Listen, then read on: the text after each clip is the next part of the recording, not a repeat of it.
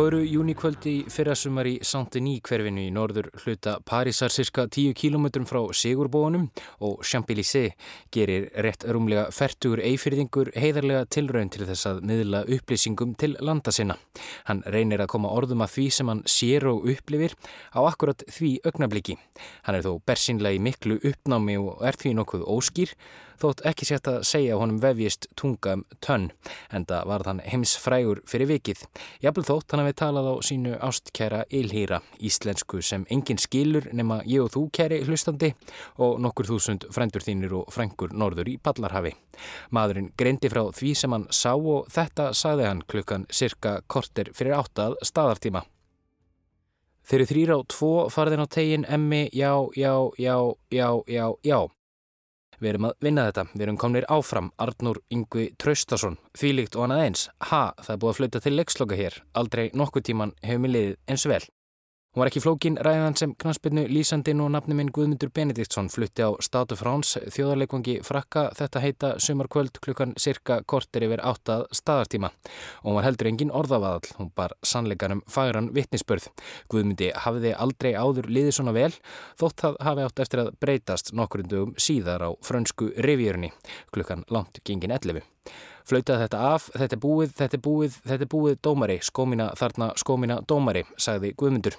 Þetta er búið, þetta er búið, við erum komnir til Parísar. Við erum aldrei að fara heim, aldrei vekja mig, aldrei vekja mig frá það sem geggiða draumi, búið eins og þið viljið englendíkar, þið getið farið heim, þið getið farið úr Evrópu, þið getið bara farið hvert sem þið viljið, England 1, Ísland 2. Ég gerir nafna mínum engan greiða með því að lesa ódöðlegar ræður hans upp með að tilþrjóða litlum hætti og ég gerir hér. Á þessum augnablikum var Guðmundur gjörsamlega störtlaður af geðshræringu og það var einmitt það sem jók á hughrif þeirra 20.000 Íslendinga sem hlustuð á lýsingu hans heima á Íslandi og þeirra miljóna sem hafa hlustað á hann á YouTube síðan þá en aðferðafræði Guðmundar er aðeins eitt dæmi af mörgum um hvernig hægt er að miðla íþróttum til þeirra sem sitja heima í stofu, hvernig hægt er að tólka þær bæði fyrir þá sem horfa eða hlusta en einnig fyrir þá sem gera kvorugt og vilja lesa um þær. Og þótt að hljómi kannski undarlega og þú kunnir að vera ósamála mér, þá skiptir slík tólkun öllu máli. Því þótt þú vitir mænta vel að Aníta Henriksdóttir sé góður hlaupari, þá viltu að Sigurbjörn Árni Argrímsson segi þeir það. Segi þeir það oft og með tilþrifum. Hann mætti þess vegna færi í stílinn og beinlinis ljúaðir. Það er vegna þess að þú ert tilbúin fyrir dramatíkina. Þú ert tilbúin að láta póesíu íþróttana dálega þig. Ef þú ætlar að horfa mynd sem heitir Armageddon, þá viltu að Jerry Bruckheimer gera hana. Ef Katla Gís viltu að Brotti Brottason segi þeirra. Og ef þú þart að lesa bók sem segir frá því hversu harmþrungi það er að vera manneskjanum leið óendanlega fagurt, er eins gott að Jón Kalman haldi á pennanum. Það staður og stund fyrir allt og það er ekki sama hvernig hlutinir eru gerðir eða hver gerir þá. Og ef einhver allar gargur sér lungun af geðsræningu yfir fótbolltalegi í Fraklandi, já, þú gískaði rétt, gummi ben.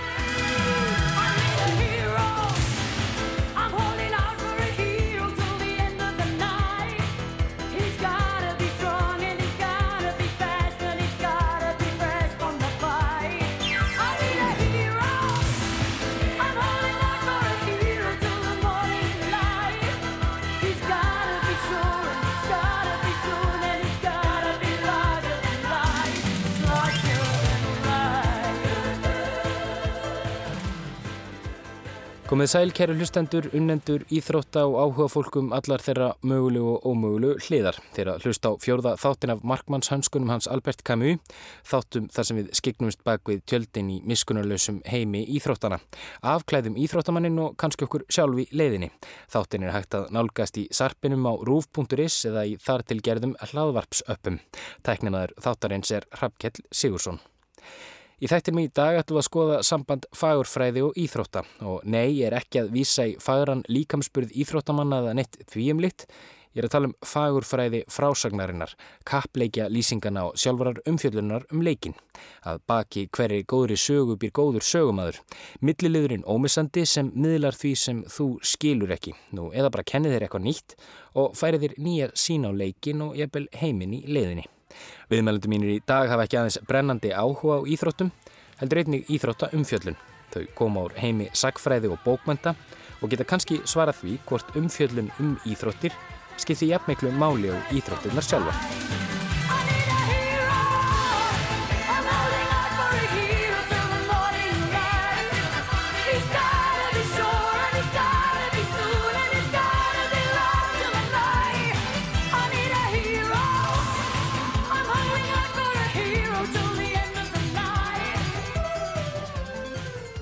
Eitt félagi minn sagði mér einu sinni að íþróttaumfjöldun væri upp á sitt besta þegar hún yrði að farartæki sem segir okkur frá heiminum.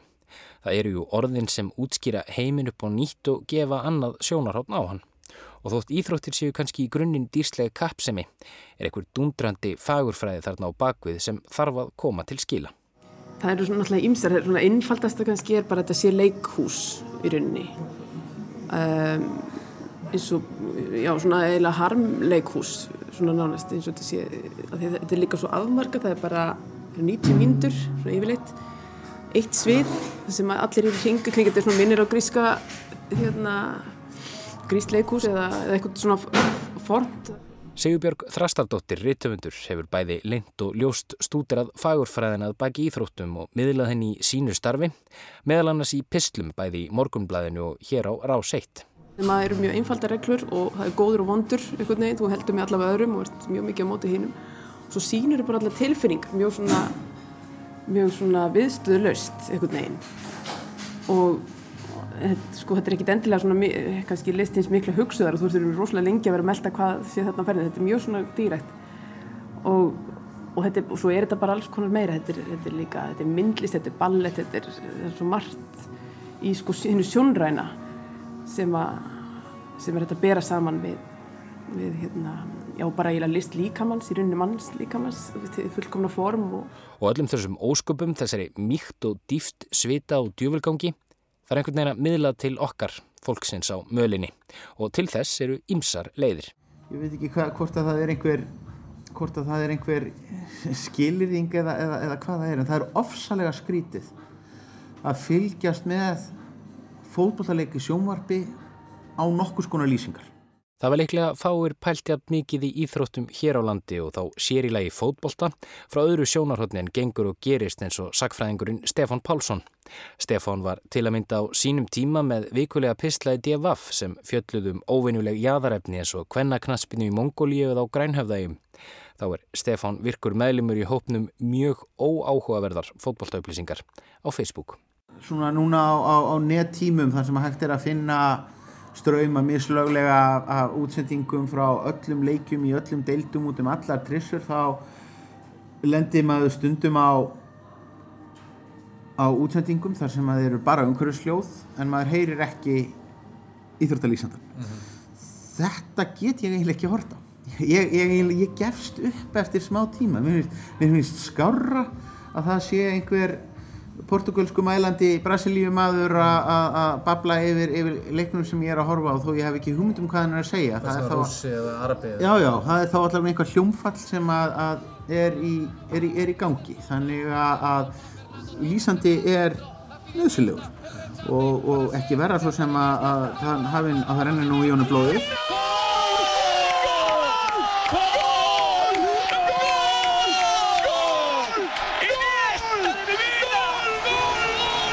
Já, það er ekki verða að það rennur í þeim blóðið og það gerir það svo sannarlega hjá spænsku lýsendunum sem hrópuðu Iniesta demi vida Iniesta lífsmýns mark, mark, mark þegar Andrés Iniesta treyði spánverjum sigur í heimsmyndstarkeppnin í Suður Afríku árið 2010 á ögur stundu.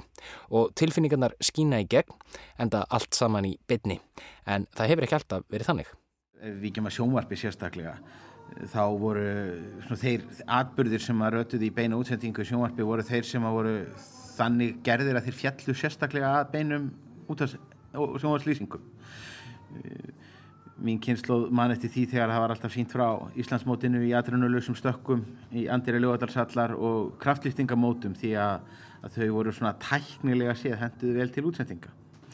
E, sjónvarps útsendingar frá e, knastbyrnuleikjum voru bara það, það fágætar að það svona sapnaðist einhvern veginn ekki upp reynsla og, og, og hefðir. Það var þó helst Bjarni Fél sem að spilaði viku gamla uh, fótballtaleiki frá Englandi og, og lísti þeim og, var alltaf svo dásamlega eiginlega vel undirbúin að, að, að hérna grunlausir áhorvendur þeir átt ekki orði yfir því hvað Bjarni væri nú naskur á að sjá hvernig að færa að draga til tíðunda eða, eða hvað einstaklinga væri líklegast til að skora. En þá hefst bein útsending frá Vemblei leikvanginum þar sem Liverpool og Tottenham keppir til úrsleita um deltabekkarinn og liðin eru þegar komin út á völlin. Við höfum fengið lið með okkur kynni breska sjónvarsins ITV sem lýsir leiknum fyrir breska áhörundur sem þó fá ekki sjá leikin fyrir enn á morgun. Það var svona, mátti, mátti reikna með því að byrjun leiks þá kannski kvatti Bjarni menn sérstaklega til að fylgjast með leikmanni númer þetta og þetta í öðru liðinu hann verður nú eflaust ákveðin í að láta til sín taka og þar hann til göttunum fór svo allt í einu að, að, að hækka róminn og, og verða allir æstari þegar að kom ykkur hortspilna miður leika, hér verður nú mikið sóknar færi.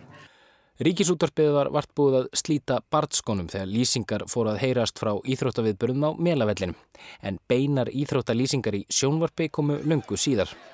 Gott kvöld, nú voru 15 mínútur liðnar af síðari háluleik í leik Agonising á Dínum og Kív í Evropakeppninni hér á melavellinum.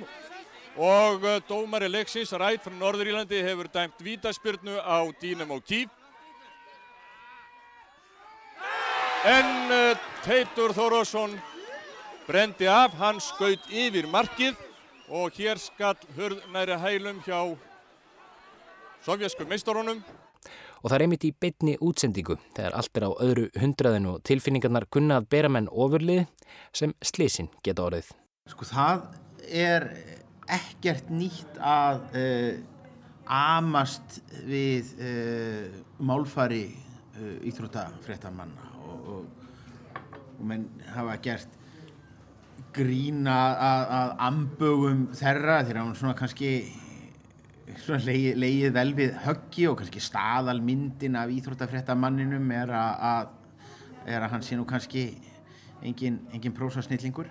Uh, meðan veruleikin nú samt sem að þú sá að það hafa nú verið bara bísna slingir íslensku menn margir í uh, stjettinni og tekist það að festa í, í, í sessi frasa og, og, og, og orðatiltæki sem að hafa fengið útbreyslu og það jafnir langt út fyrir ræðir íþrótturhættamanna. Eins og þá að lúta í græs? Lúta, já, lúta í græs er náttúrulega mjög skemmtilegt eh, dæmi, um, dæmi um það. Stefán segir ljóst af gömlum upptökum að íþróttalýsendur á ríkisútarpinu hafi verið mjög meðvitaður um að þeir væri með málfass ráðunautin á aukslinni. Þeir hafi talað hægt og vandað sig, vitandi af yfirvofandi lesendabrefi í blöðunum ef þeir töluð ekki fallega íslensku. Þegar, það má kannski segja það að með frjálsu uh, sjómas og, og út af stöðunum, uh, þar sem að, að bæði uh, fjölgaði þó mikið í hópi uh, þess fólk sem að, svo sem einhverjum kallmenn, uh, sem að, lýsa íþróttakappleikjum, segja frá íþróttakappleikjum, uh, örara gegnum streymi, meiri starfsmannavelda, þá slaknar nú nokkuð meira á þessu svona áberandi slettur verða, verða kannski meira áberandi. Eitt dæmi um þetta er þegar leikmaður skorar þrennu í fótballtaleik. Þá eiga íslenskir knaspinu lýsendur það til að segja að leikmaðurinn hafi, þegar hann skorar þriðja markið, fullkomnað þrennu sína. Á ennsku er talað um hat-trick þegar leikmaður skorar þrennu. Óraðtildagið á rætur sínar að rekja til kriketspilarans H.H. Stevensons sem árið 1858 náði þremur glæsilegum höggum í röð. Aðdöndur Stevensons gaf vorum hatt fyrir vikið eins og menn gera. Kunst sem færið er hatt. Hatt trikk. Hatt trikk getur einnig vísað til þess þegar töframæður gerir töfrabröð eins og toga kanínu upp úr hatti. Og hann klárar það, eða fullkomnar það, þegar hann líkur því. En að fullkomna þrennu, ég næ því ekki alveg. Dagni Brynjarsdóttir fullkomnaði þrennu sína. Þetta meikar ekkert sens, eða þið vitið, meikar engan sens. Uh, áherslan fer kannski frekar yfir á það að tala meira, tala hraðar, vera æstari, sína tilfinningar sem að kannski hangir saman við það að, að þarna vorum við komið með uh, svona, kannski fyrst og fremst áskriftar og auglýsingasjómarp íþróttasjónvar stöðvar sem að hafa það að keppi keppli að selja áskrifendum áfram uh, áskrift að viðkomandi íþróttadagskrá og þá verður það afskaplega mikilvægt að legg, leggja þessa áherslu á að allir leikir séu æsi spennandi og, og fjörlegir uh, tala á háasíðinu jafnvel þó svo að, að kannski kappleikinni sjálfur gefa ekki tilefni til þess. Eins og til dæmis þegar leikið er í enska deildabíkarnum, keppni sem þykir ekki upp á marga fiska. Eða hvað? Hörður Magnússon knaspinnu lýsandi er því svo sannarlega ósamála. Janusæ! Janusæ farar aftur! Janusæ! Janusæ skora! Kettarító! Kettarító! Kemur um í vítakeppni! Á meðan að gamla viðmiðunin höfðu verið í starfsmenn BBC með sína eh, marka fréttaþætti og stöku útsendingu. Fyrir 90 árum hóf Breska ríkisútarpið að lýsa fókbaltaleikjum í betni útsendingu. 90 árum, hugsið ykkur, 22. janúar árið 1927 heyrðu hlustendur BBC lýsingu á leik Arsenal og Sheffield United á Highbury. Leikurinn endaði 1-1, því miður er ekki til upptak af þessari fyrstu lýsingu, en þessi hér er ekki mikið yngri og lýsir ágætlega því sem fyrir auku bar. There's Cowan fighting there hard. Ball's gone to Johnson. Johnson across the field where it goes to to uh, Toseland. Toseland taps it through to Marshall. Marshall back to Toseland. Creswell's there, but Toseland's put the ball on Creswell's feet. no, no, no, no. No, no, no, no, no. That's, uh, that's the, uh, the rather unfortunate decision. Íslenski fótbolta áhuga menn og íþróttafréttamenn hlustuðu á, á, á BBC útvarsendingar í langbylgu og, og hlustuðu á sína kollega þar sem að voru kannski meira einmitt í þessari gömlu hefð, þessari gömlu ríkisútvarps hefð með áherslu á uh, svona gott virðulegt málfar þar sem að slettum og götumáli var, var útýst. Þannig að, að þýleiti held ég að þróunin, eða mín tilfinning er svo að þróunin hér á Íslandi sé mjög svipuð gerist í Breitlandi. En það höfum við alltaf hort óskaplega mikið til Breitlands alla tíð þegar kemur að hvers konar dægurmenningu, íþróttum og öðru slíku.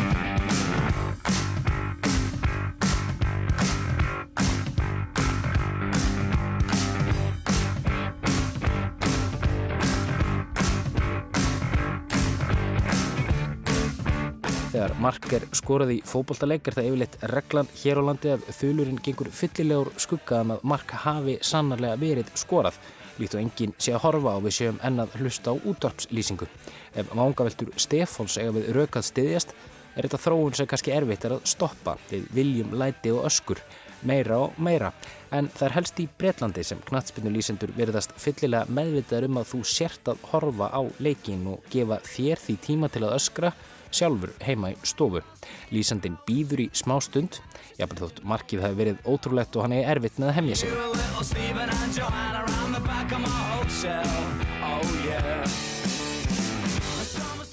Í mæmánuði 2006 leiku Vestham og Liverpool til úslita um ennska byggarinn. Vestham var 2-1 yfir og kom þar fram á fjörðu mínútu uppbótartíma þegar Steven Gerrard, fyrirliði Liverpool, tók til sinna ráða. Gerard.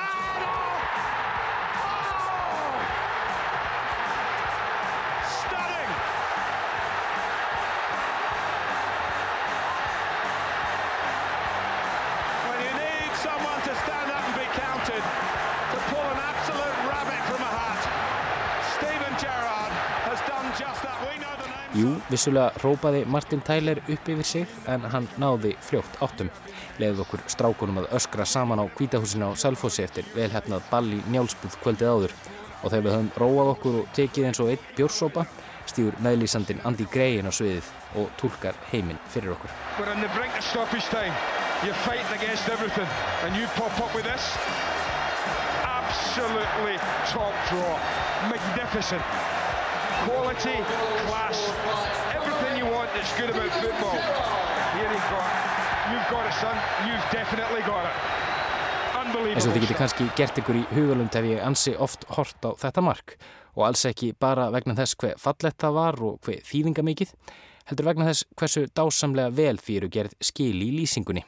Og þegar ég hugsa um það, þá er ég í raun frekar að leitast eftir þeim hughrifum sem lýsingin gefur mér, heldur en hitt.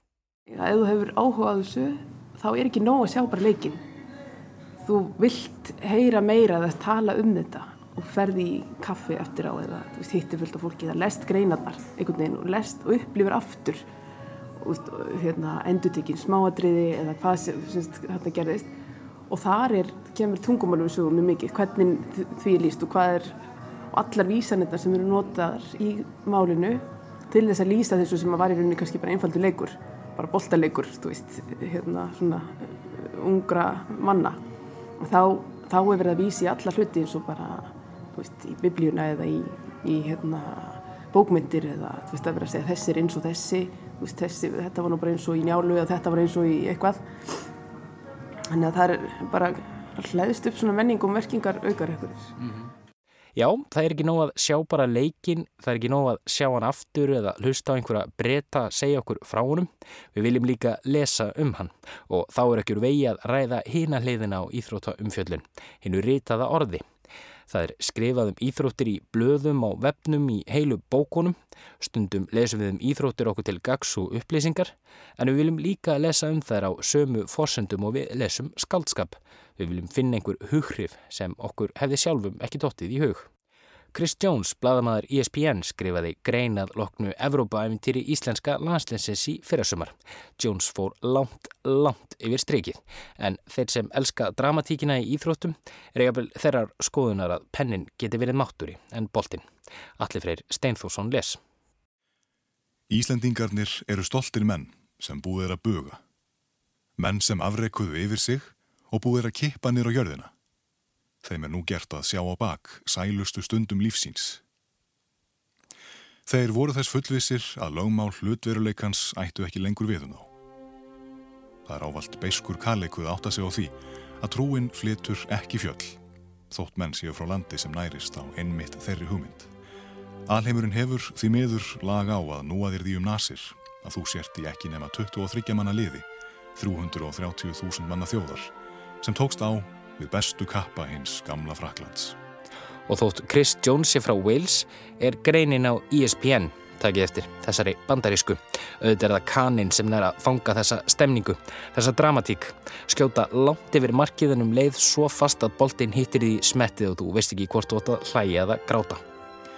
Og jafnvel þótt Íslendingar klífi aldrei aftur hærri tinda en þeir hafa þegar gert.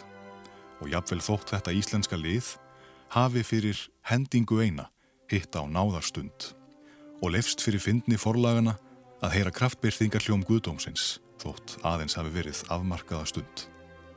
Þá verður framtíð þeirra samt töfurum slungin. Því einn daginn verða þeir gamlir menn og þeir munu snúa heim í faðan fósturjarðar sinnar og þeir munu segja sögur um vikurnar þegar gjörvalt mannkinn hossaði þeim og dillaði. Barnabörð þeirra eiga ekki eftir að trúa þeim tröllasögum nema rétt mátulega en þessir öldungar gráir fyrir hærum, munu horfa á myndir af sjálfum sér, það sem er stóðu í dýrðarljóma æsku sinnar í rigningunni í París og sannleikurinn mun kvíla í þeim. Eitt var það kvöld, er þeir svínbegðu Rónaldó. Eitt var það kvöld, er þeir sigruðu England. Eitt var það kvöld, er þeir skoruðu tvö mörg gegn Fraklandi. Þetta er óumbreytanlegur sannleikur. Þetta er óumbreytanlegur sannleikur nú og verður óumbreytanlegur sannleikur um aldir alda.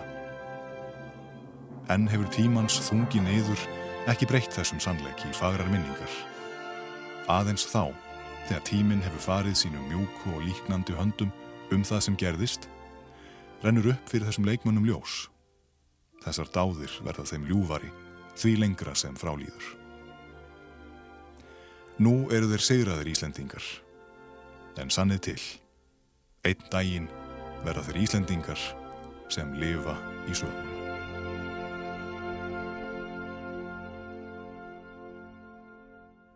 Og ég er segur. Ég er búin að lesa þessa grein á frummálinu svona hundra sinnum. Af hverju? Ætlaði sé ekki að því ég vil fara aftur til Parísar. En engin myndbönd geta flutt mig aftur þángað.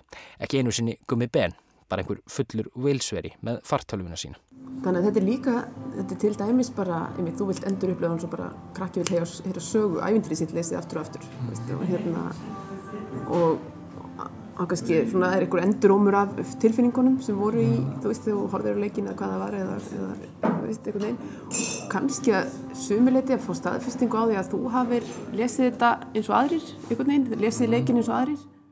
Ástæða þess að ég sæki skrif eins og þessi er líklega svo sama og fyrir því að Armageddon er uppáhaldsmyndi mín, yfir drifin og fáránlega amerísk óljuborarar á styrum sem sprengja upp loftsteinabelti. Bruce Willis fórna sér fyrir Ben Affleck svo hann geti gifst Liv Tyler.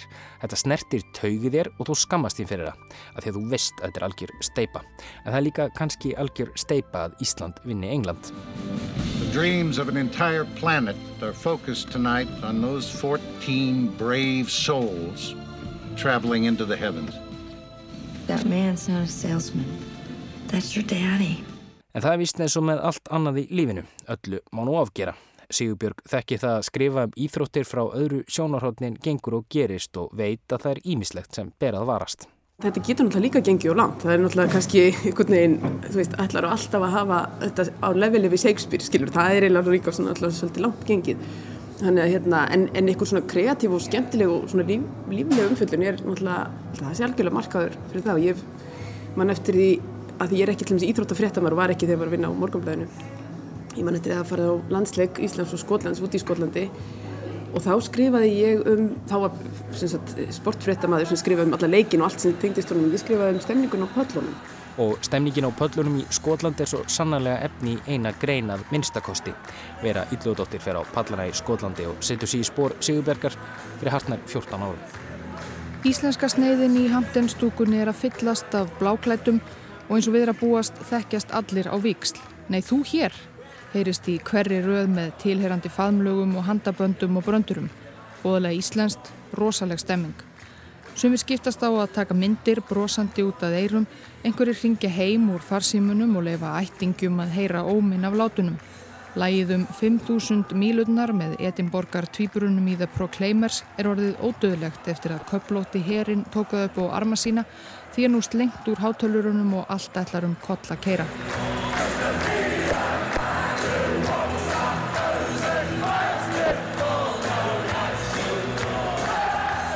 Taugatrýtringur í íslensku stúkusneðinni ekki alveg hægt að syngja með þjóðsögnum því hann er spilaður og frætt og lúðrasveitin gleymir þögninni sem á að vera á undan loka línunni, meira klúðrið. En svo brestur á með Flower of Scotland Gamal refur í pilsi er forsöngvari og samhugurinn er hæstu hæðum. Tekstinn byrtist í apnóðum á stóru ljósaskildi og íslenski frendgarðurinn gleymir sér næstum, byrjar nánast að syngja með. Úps!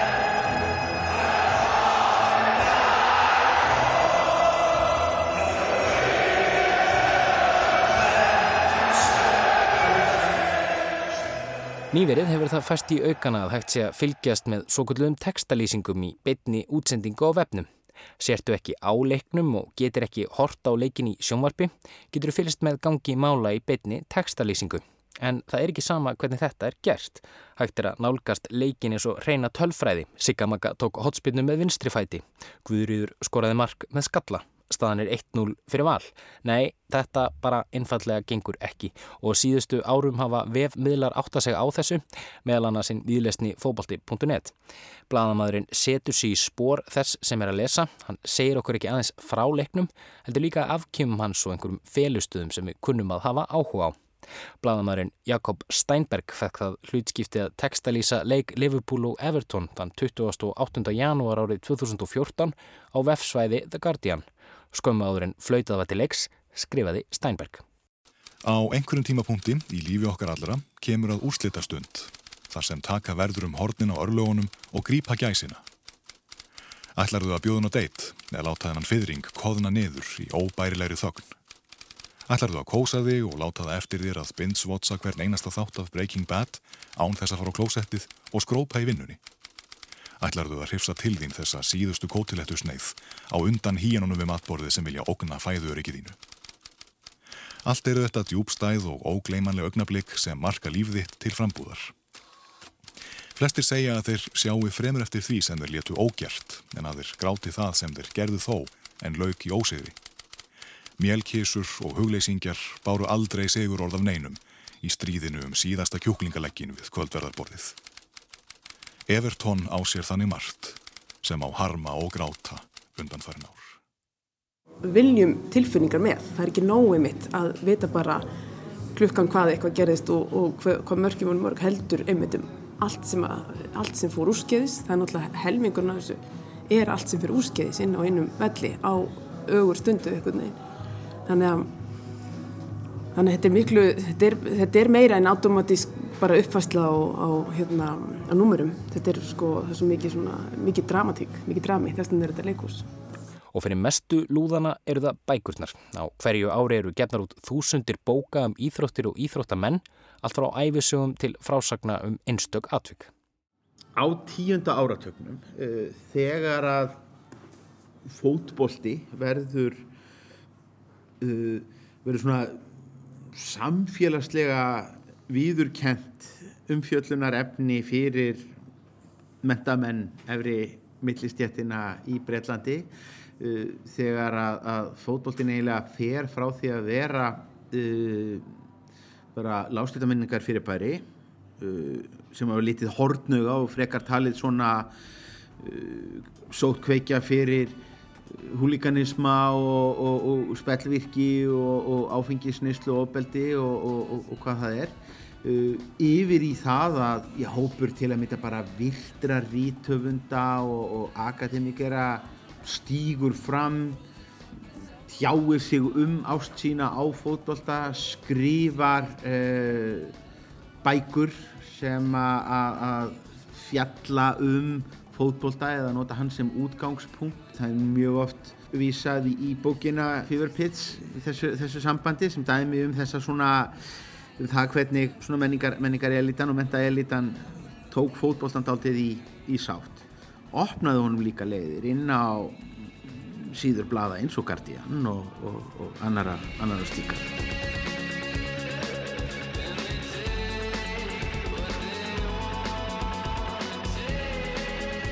Og það er kannski einmitt þess vegna sem umfjöllunin fer að ná út fyrir íþrótturnar sjálfar og snerta á tilfinningum sem við tengjum allajafna ekki við íþróttir, eins og kaltæðni og húmor. Og þetta er jú það sem brettin er bestur í. Í stórkostleiri grein eftir Harry Pearson er sagð saga neðritilda heitjunar Adams Boyd sem leik nær allansinn feril fyrir örlagaklubin Hartlepool á norðurströnd Englands. Boyd var aðeins of þungur, aðeins of hægur og drakk aðeins of mikinn bjór En hann var listamæður og Pírsson nær ja, listilega að koma því til skila og þegar Boyd reldi andstæðinga sína. Hann tekur dæmi á því þegar Marko van Basten hafi verið heima hjá sér að borða guðusúði, gremmiti og velta fyrir sér landamærum frelsisins hafi Pírsson verið að styrta þessi bjóra á barnum eldast við konur og klúpum sem bauðu tver fyrir einn á bláum bakkart í bríser og efna til slagsmála á bílastæðinu.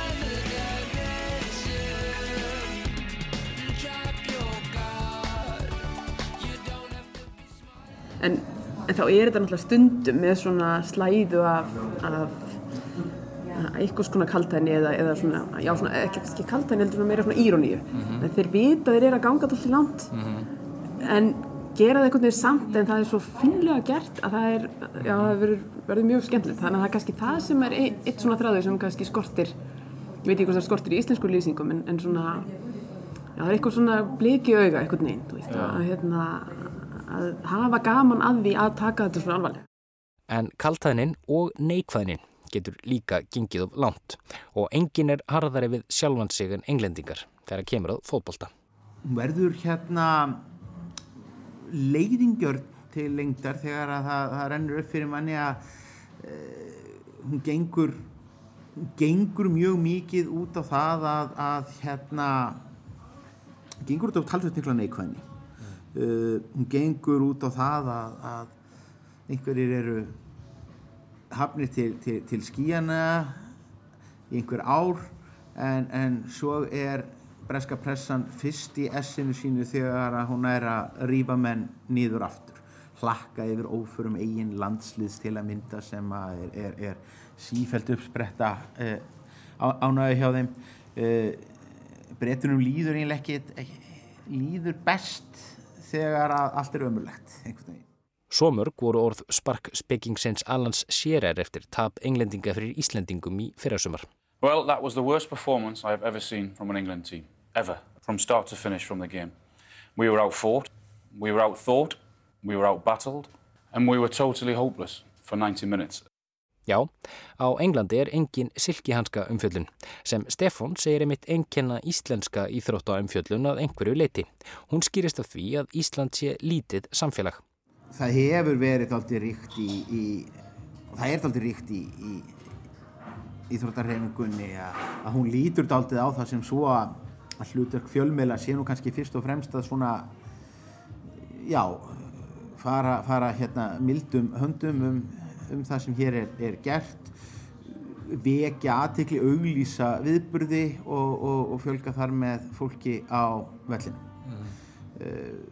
það eru svona þannig að og, og ég vil með bregðast bara mjög illa við því þegar að, að e, þá sjaldan að fjölmiðlandi hversa sig sérstaklega Á síðast ári spurði bladamadur Vísis Heimi Hallgrímsson, landslistjálfara íslenska karlalandslisins í fótbolta, út í það hvort þær sögursagnir væru sannar að einn leikmaður liðsins hefði mætt drukkin í landslisverkefni. Þessi spurning vakti furðu marga íþróttafrættamanna. Hvers vegna er verið að rugga bátnum, spurðu þeir. Ég held reyndar að það sé skamsýni því að uh, ég hygg líka að áhugi á ég held að áhugi á íþróttaumfjöllun sem að einungis hefur það hlutverk að hefja til skíjana og, og, og, og draga upp einhverja, einhverja glansmyndir af eh, okkar, okkar íþróttafólki og íþróttafélögum. Verði leiðingjörn og fólk munir bara síður lesa hana til lengdar. Ég held að þetta sé sambarilegt við eh, til dæmis bara menningarumfjöllun að menningarýni, leikúsdómar sem að allir ganga út á það hver einasta síning sé tímalös snild og, og, og, og menn þú eru aldrei að e, segja neitt njóðsyrði hún er aldrei til neins fjölda til lengta. Kanski það er svona niðurstöðan hvað af hverju manni finnst þetta skemmtilegt og af hverju maður leifir sér að finnast þetta skemmtilegt? Að því að maður veit að þetta er líka bara leikur sem er ekkit, þú veist, hefur ekki, skiptir ekki sko á milli feks og ófeks einhvern veginn eða lífs og döða mm -hmm. og kannski feginleikinni við því að maður þurfi ekki að standa í sko alvöru stríði, þú veist, milli að lönd séu sko stríðandi fylkingar og salli niður skilur fólk á öðrum þjóð, ég meina þjóðurinn sem er ekkit langt síðan að gerðist hér, hefur gerst í kringum okkur, þá er þetta, þá getur við sett allan okkar kraft og og einhvern veginn lífskeiði þetta bara að hára á landsleik einhvern veginn. Og, þá, og það gerist ekki neitt hvort sem vinst eða tapar það er bara, það er bara business as usual bara daginn eftir. En, en hérna veist, og allir lifðu af einhvern veginn allir komuður aftur. Mm. enginn er að dó. Þannig að það er það er kannski svona það skemmtir eigin svo þetta er saklaus skemmtun sem er samt hægt að gera eins dramatíska og bara mm. maður vil leifa sér þann daginn